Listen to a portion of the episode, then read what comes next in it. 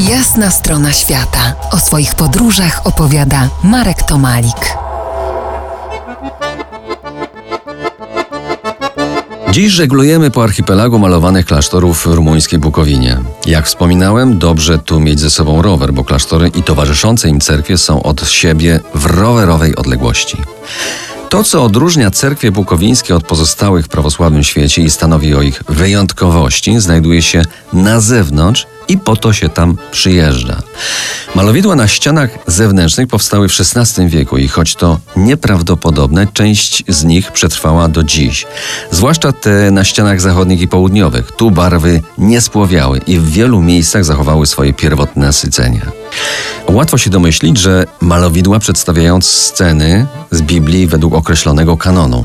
Dla niepiśmiennych chłopów i żołnierzy były jedynym czytelnym modlitewnikiem, a nawet czymś więcej ideologicznym Facebookiem patriotycznych fundatorów. Sceny, memy sądu ostatecznego, słynna drabina cnót monastycznych i inne żywoty osadzone są w krajobrazie Bukowiny. Święci z biblijnego panteonu mają czasami stroje i przedmioty z bukowińskich okolic, a pod postacią diabła nie trudno dostrzec tureckie rysy. Co ciekawe i miłe dla oka, każda z cerkwi ma swój dominujący kolor. Woronec błękit, humor, tak nazywa się rzeczywiście miejscowość, róż indyjski, moldowica z patynowaną czerwień, suczewica, zieleń, a arbore zieleń malachitową. Błękit woronecki jako unikalny i niespotykany gdzie indziej wszedł na stałe do tzw. Tak światowej palety barw. Odległości między klasztorami z e, najcenniejszymi freskami są rzędu od kilku do kilkudziesięciu kilometrów.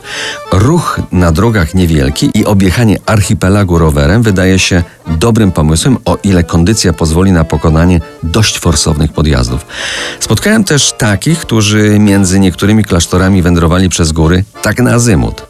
Z mnichami i mniszkami można w kilku językach uciąć ciekawą pokawędkę. W monastyrze Humor mniszka zagadała do mnie po polsku.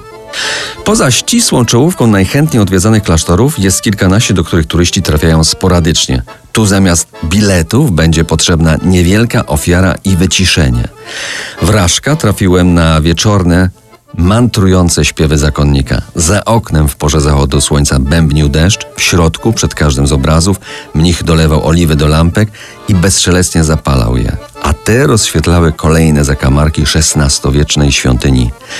Trudno opisać tę chwilę. Poczułem dotknięcie sakrum i doświadczyłem czegoś niewyobrażalnie pięknego. Dość powiedzieć, że prócz dwóch wspomnianych braciszków byłem tam sam. Za tydzień zabiorę Was jeszcze dalej na wschód, na Syberię. To była jasna strona świata w RMF Classic.